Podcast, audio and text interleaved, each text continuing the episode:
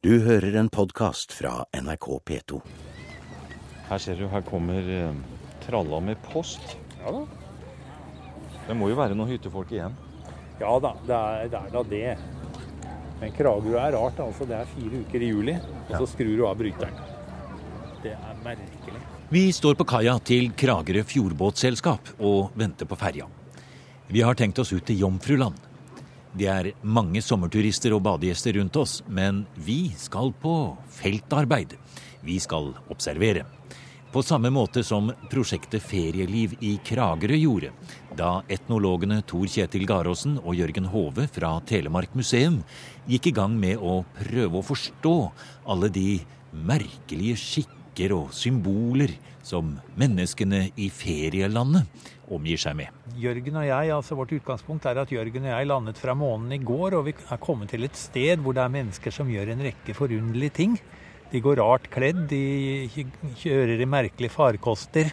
Eh, de har stammemøter og ritualer og alt dette her. Og vi eh, forsøker da å forklare for folk hva de selv egentlig er med på, da.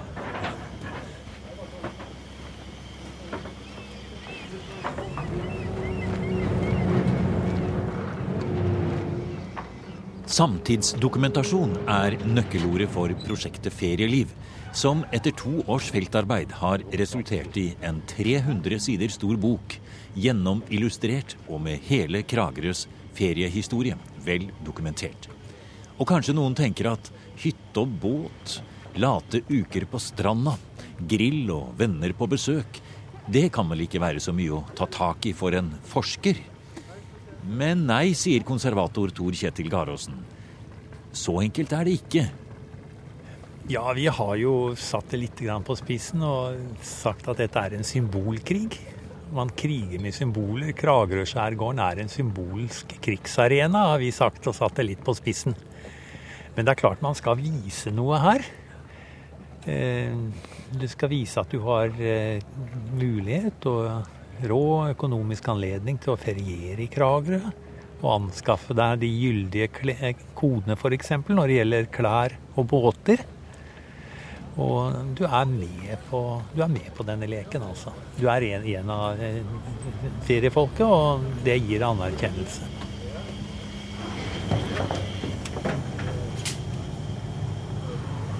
Se her, nå står vi oppe på øvre soldekk på ferja Kragerø på vei ut mot Jomfruland. Her går det en liten plastsnekke på 22 fot og putrer innover. Han skal inn og handle i Kragerø.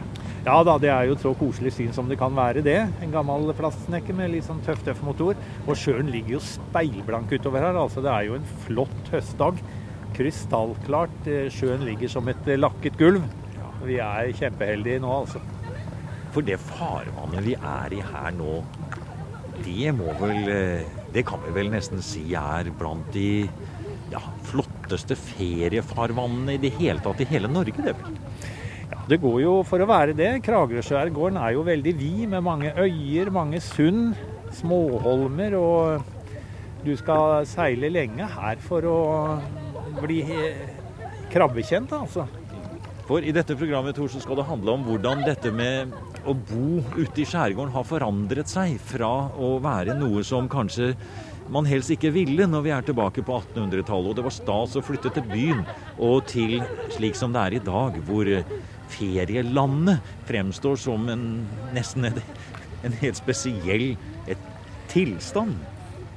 Ja, Kragerøskjærgården er jo ferielandet fremfor noe. Og det er klart, Skal du gjelde for noe innen norsk samfunns- og næringsliv, så skal du helst ha et landsted her i Kragerø, altså. På soldekket fra ferja Kragerø ser vi hytter og feriehus langs leia. Kyst- og feriehusarkitekturen er avtegnet som historiske årringer.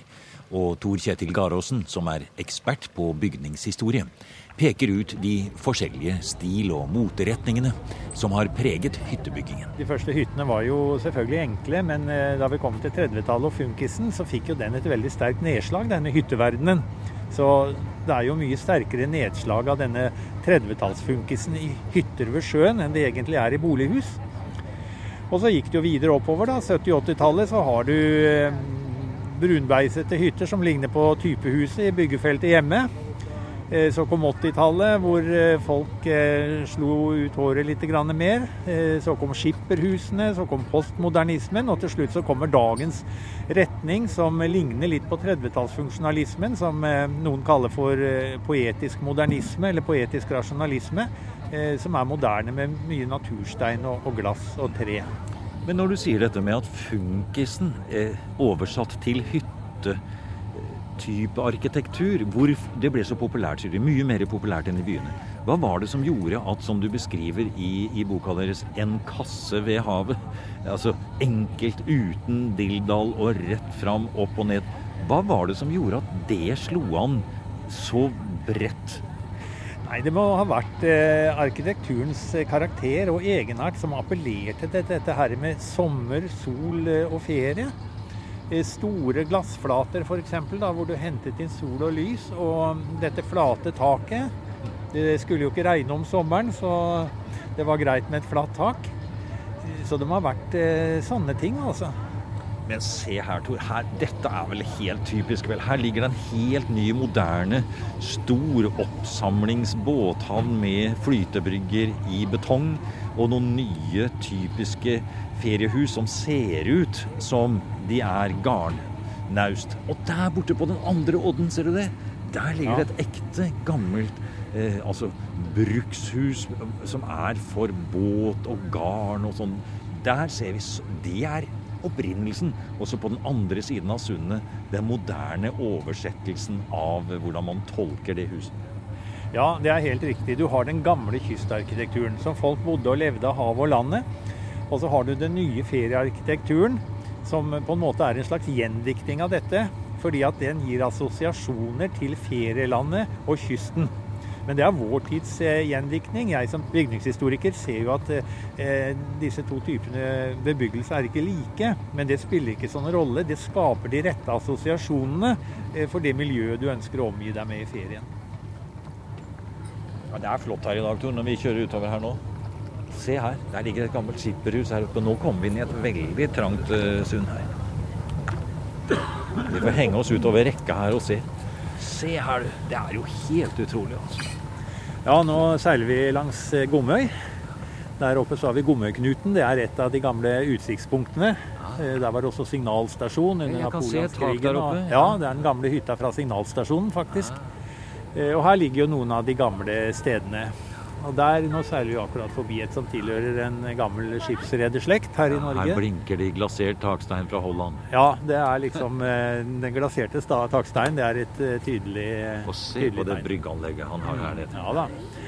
Ja da, de er jo etter hvert eh, Eller de blir jo en periode veldig store, disse bryggene. Nå er det jo arealrestriksjoner på det også, da. Mm. Men det å ha en stor brygge, det det er noe som mange syns er greit. Vi var inne på dette at hyttene ligger i årringer som da forteller en eh, kulturhistorie, en bygningshistorie, en, eh, en del av vår samtidshistorie.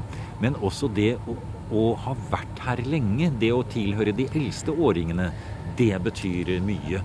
Det å ha det du kaller for ferieansiennitet, det er viktig her i dette området. Ja, det viser seg det. Altså denne ferielivsansienniteten. Eh, de som har det, det er liksom selve aristokratiet det blant hyttefolket her i Kragerø-skjærgården. Og det viser, det viser, seg jo ved forskjellige symboler. At du har gamle plastbåter fra 60-tallet f.eks. At du går i gamle klær som eh, har vært på hytta. At du seiler Kragerø-tærne. Eh, noen mener at de blir ekspedert først i butikkene fordi at betjeningen kjenner de osv. Eh, de regner seg som aristokrati. Og det er en status som ikke kan kjøpes, men den må arves. Og da er den ekstra verdifull. Men der ligger en av de gamle stedene.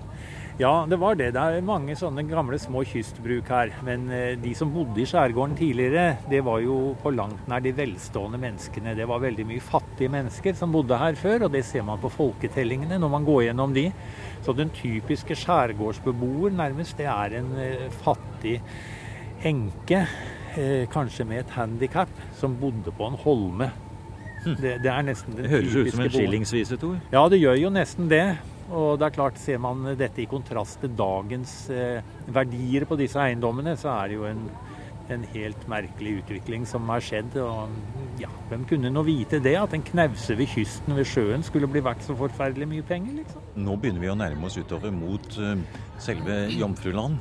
Uh, og vi ser at landskapet der ute, det er litt mer åpent, ser vi. Der ser vi, der ser vi vel selve spissen på Jomfruland der nede, kanskje? Ja. Ja, nå har vi utsyn mot Skadden, og der står et stort trapesformet sjømerke helt ytterst. Jomfruøyland er jo en rullesteinsøy med stein fra hele Norge som er brakt hit av isen. Men innenfor her så ligger jo denne skjærgården eh, med et mylder da, av små holmer og øyer. og Det er liksom dette her som er gullstripen da når det gjelder hytter. Ja.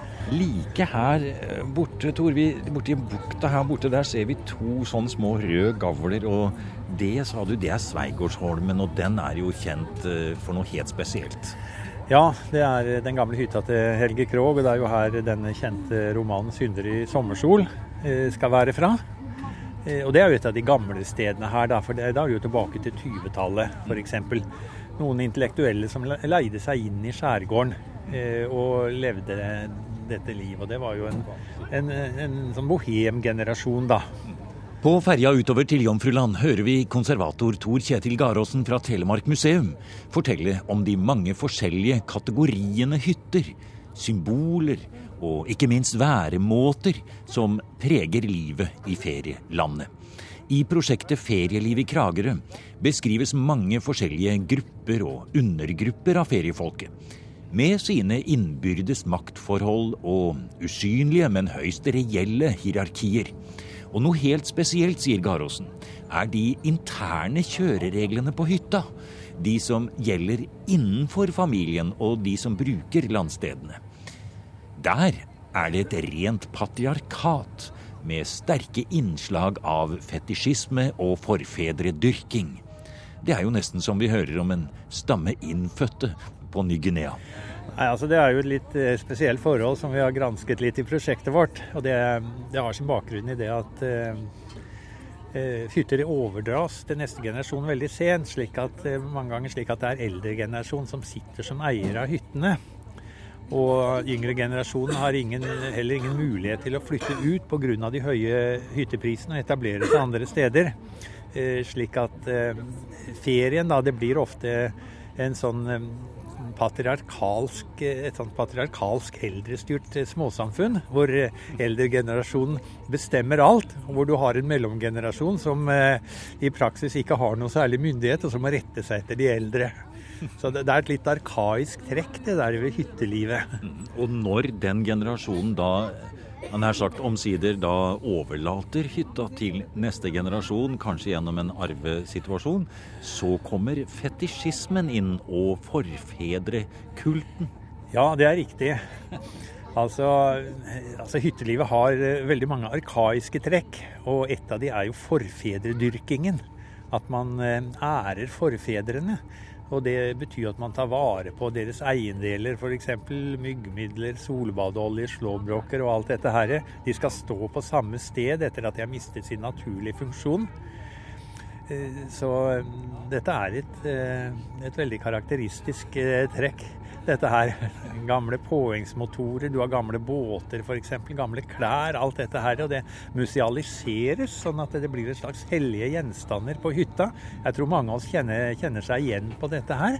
Og det blir jo da også en form, form for kapital i dette med ferietidsansenjethet også. Det, det, ligger der og viser at vi har vært der lenge. Ja, det er riktig. Det er jo dette som er den veldig verdifulle symbolske kapitalen her. Da. Det er jo nettopp disse historiske gjenstandene som ikke er kjøpt, men eh, de er arvet. altså, Og viser at du har en slags legitimitet på stedet her. Du har forfedre som har vært her i generasjoner. Og dette er eh, selve symbolet på selve firelivsaristokratiet her ute kommer høyttaleren. Da blir det anløp av Åsvik brygge i Jomfruland om fem minutter, og Tårnbrygga om ca. 15 minutter. Hvor skal vi gå av, da? Vi skal på Tårnbrygga. Ja. ja.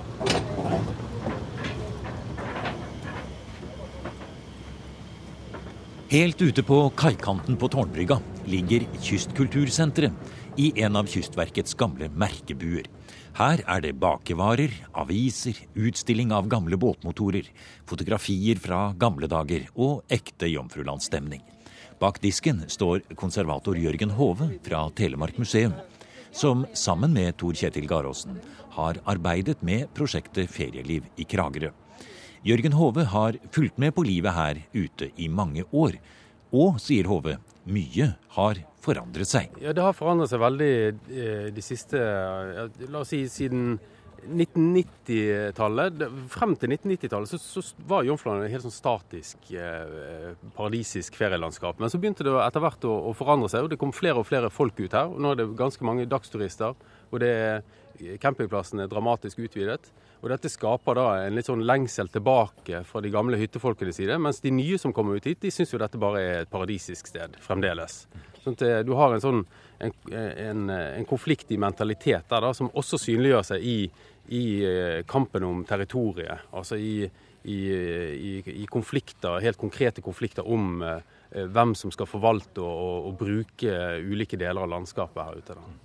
Så, men, men, det er jo er litt for langt inni det til å kunne se det helt sånn objektivt. Sånn at jeg er liksom involvert i det, på en måte. Jeg er jo også, plasserer jo meg selv i en av disse eller i disse kategoriene, på sett og vis.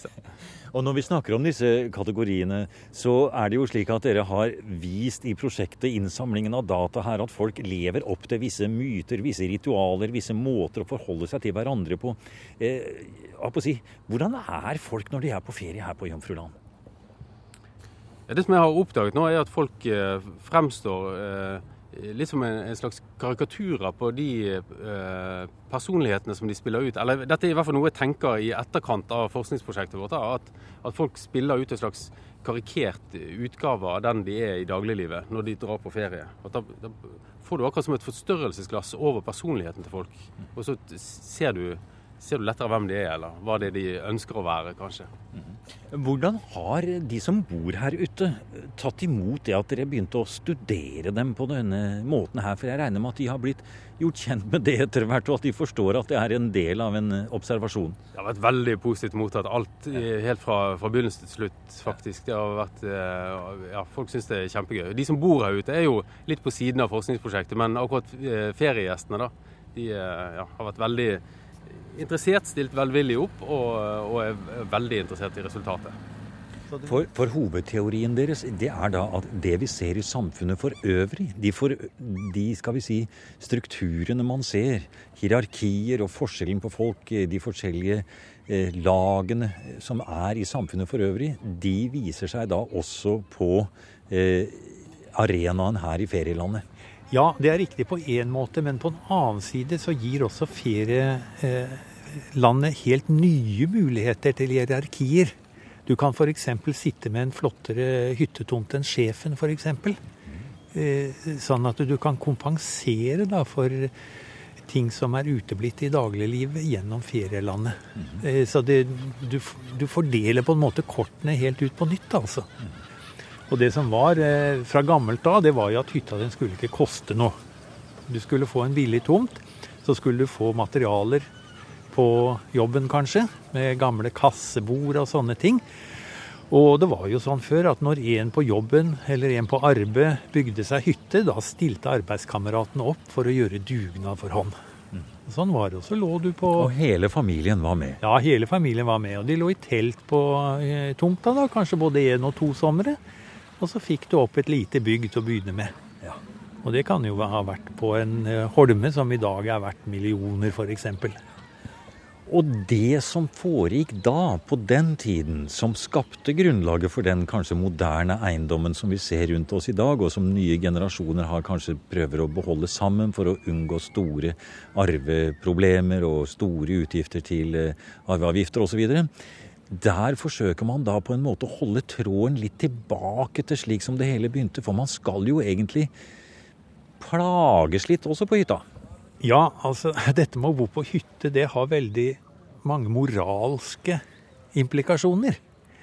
Eh, det er en sånn gammel norsk nøkternhetsmoral der eh, som man ikke har helt sluppet på hytta. Men skal, man skal liksom lide litt, ha det litt vondt. Altså, du skal bære tunge bører i bratte bakker, og du skal kjenne gråvevet, furu, nei, gråvevet ullstoff og furuplank på kroppen. Mm, utedo, kanskje? Ja, utedo. Og du gjør, du, ja da, du, du gjør det rette ved å være på hytta, altså.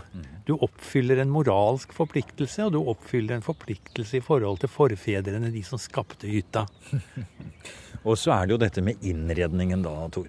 Det ser ut som et loppemarked.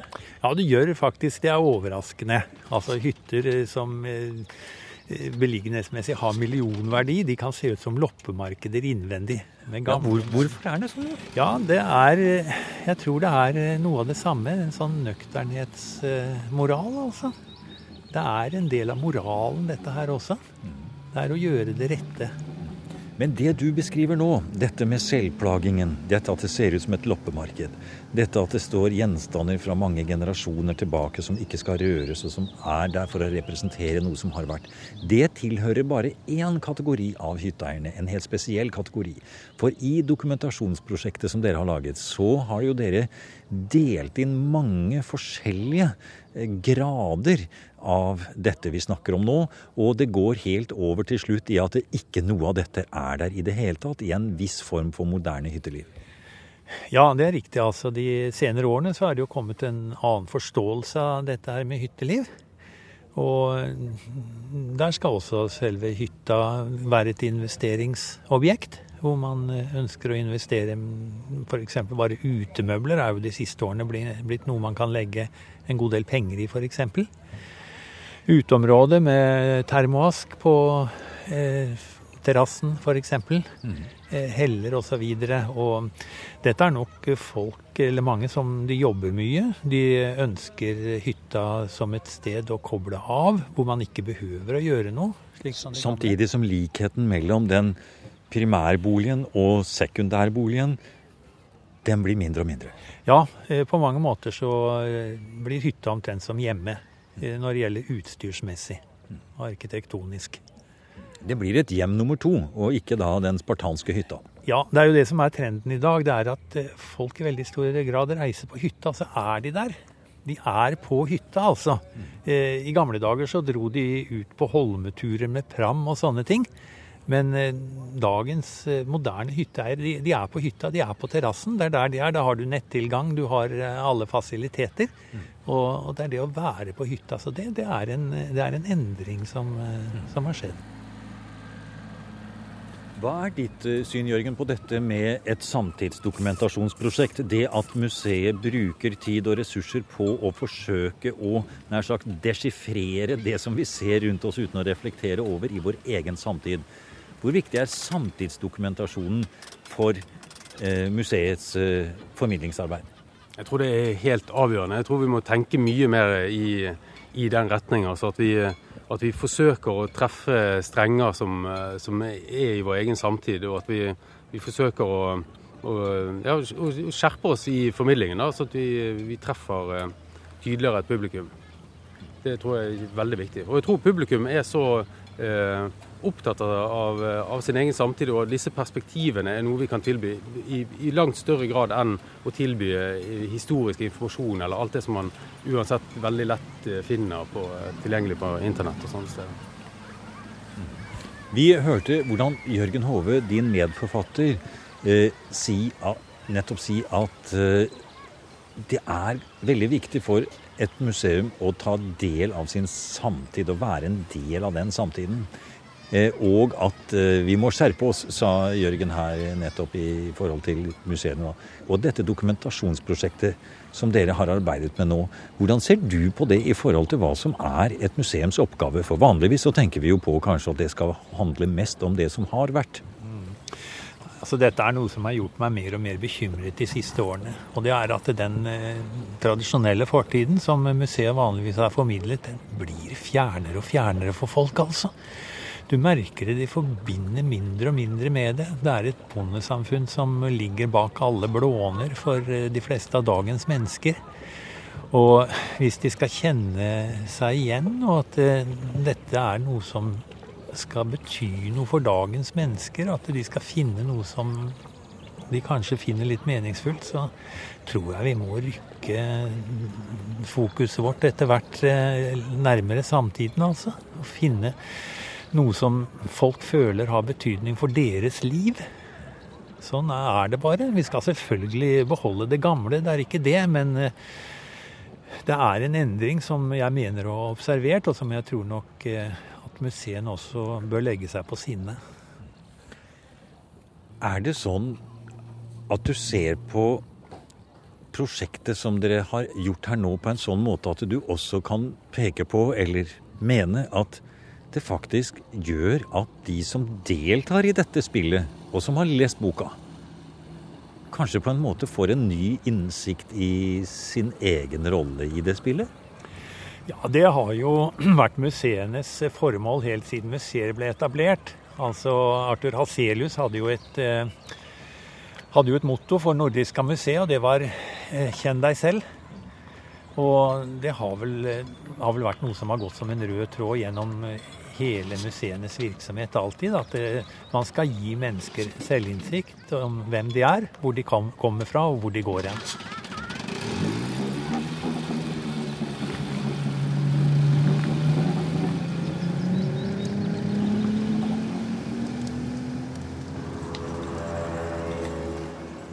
Du har nå hørt programmet Museum som podkast fra NRK. Museum sendes i NRK P2 på lørdager klokken 16 og søndag morgen klokken 8. E-postadressen er museum.krøllalfa.nrk.no. Og nå har museum også en side på Facebook.